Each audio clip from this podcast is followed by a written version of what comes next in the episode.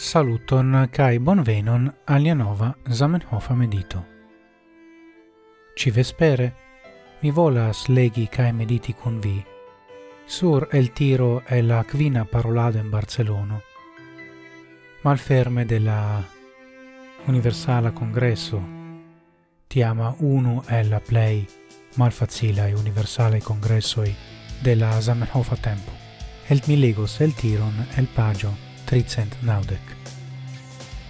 Carai samideanoi cae amicoi, ciu foie, ciam comencigas nova intercongressa iaro, ciu esperantisto, ciu antauvidas por si, iom, da libera tempo, cae povas spari iom da mono, comenzas preparigiadi alla estonta congresso esperantista alla play proxima granda comuna festo de la popolo esperantista. kiu in ligas la sama ideo, la samai aspiroi kai esperoi, cortuscite diris al si reciproche, gis la revido, kai kun gioio ili atendas tion revidon. Caraj ciui, Mi volas comenzi mian commenton per anecdoto.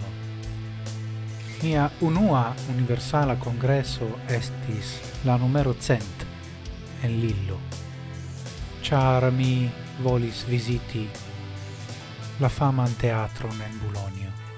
Kai kiam mi clarigis al neconatai esperantistoi congressanoi che tiu universala congresso estis mia unua, malgrau la facto che mi parolis Esperanton dum pli mal pli dude chiaroi, tiam, do calcai simple ne volis credimin.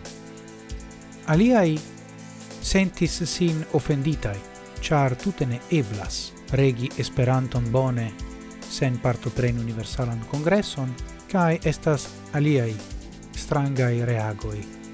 Do tio pensigis min pri la profunda signifo che la Universala Congresso havas sur la coroi de multai esperanto parolantoi, ancora en la dudecunua iarcento. Mi volas publice confessi che mi ne sentis tion aspiron al pretigio antau.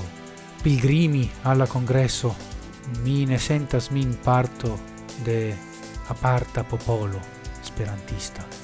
Kai ja mi esperas vidi persone realmonde conatoin en esperantuio.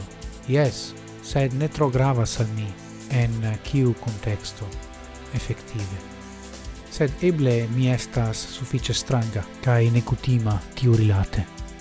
Do mi volas instigi nin kun mediti pri la aktualeco au ne de citiu sento pri la granda comuna festo quiu estas la universala congresso almenau laula pritaxo de multai. Dankon pro via atento, gis morgau cae ciel ciam, antauen sen fine.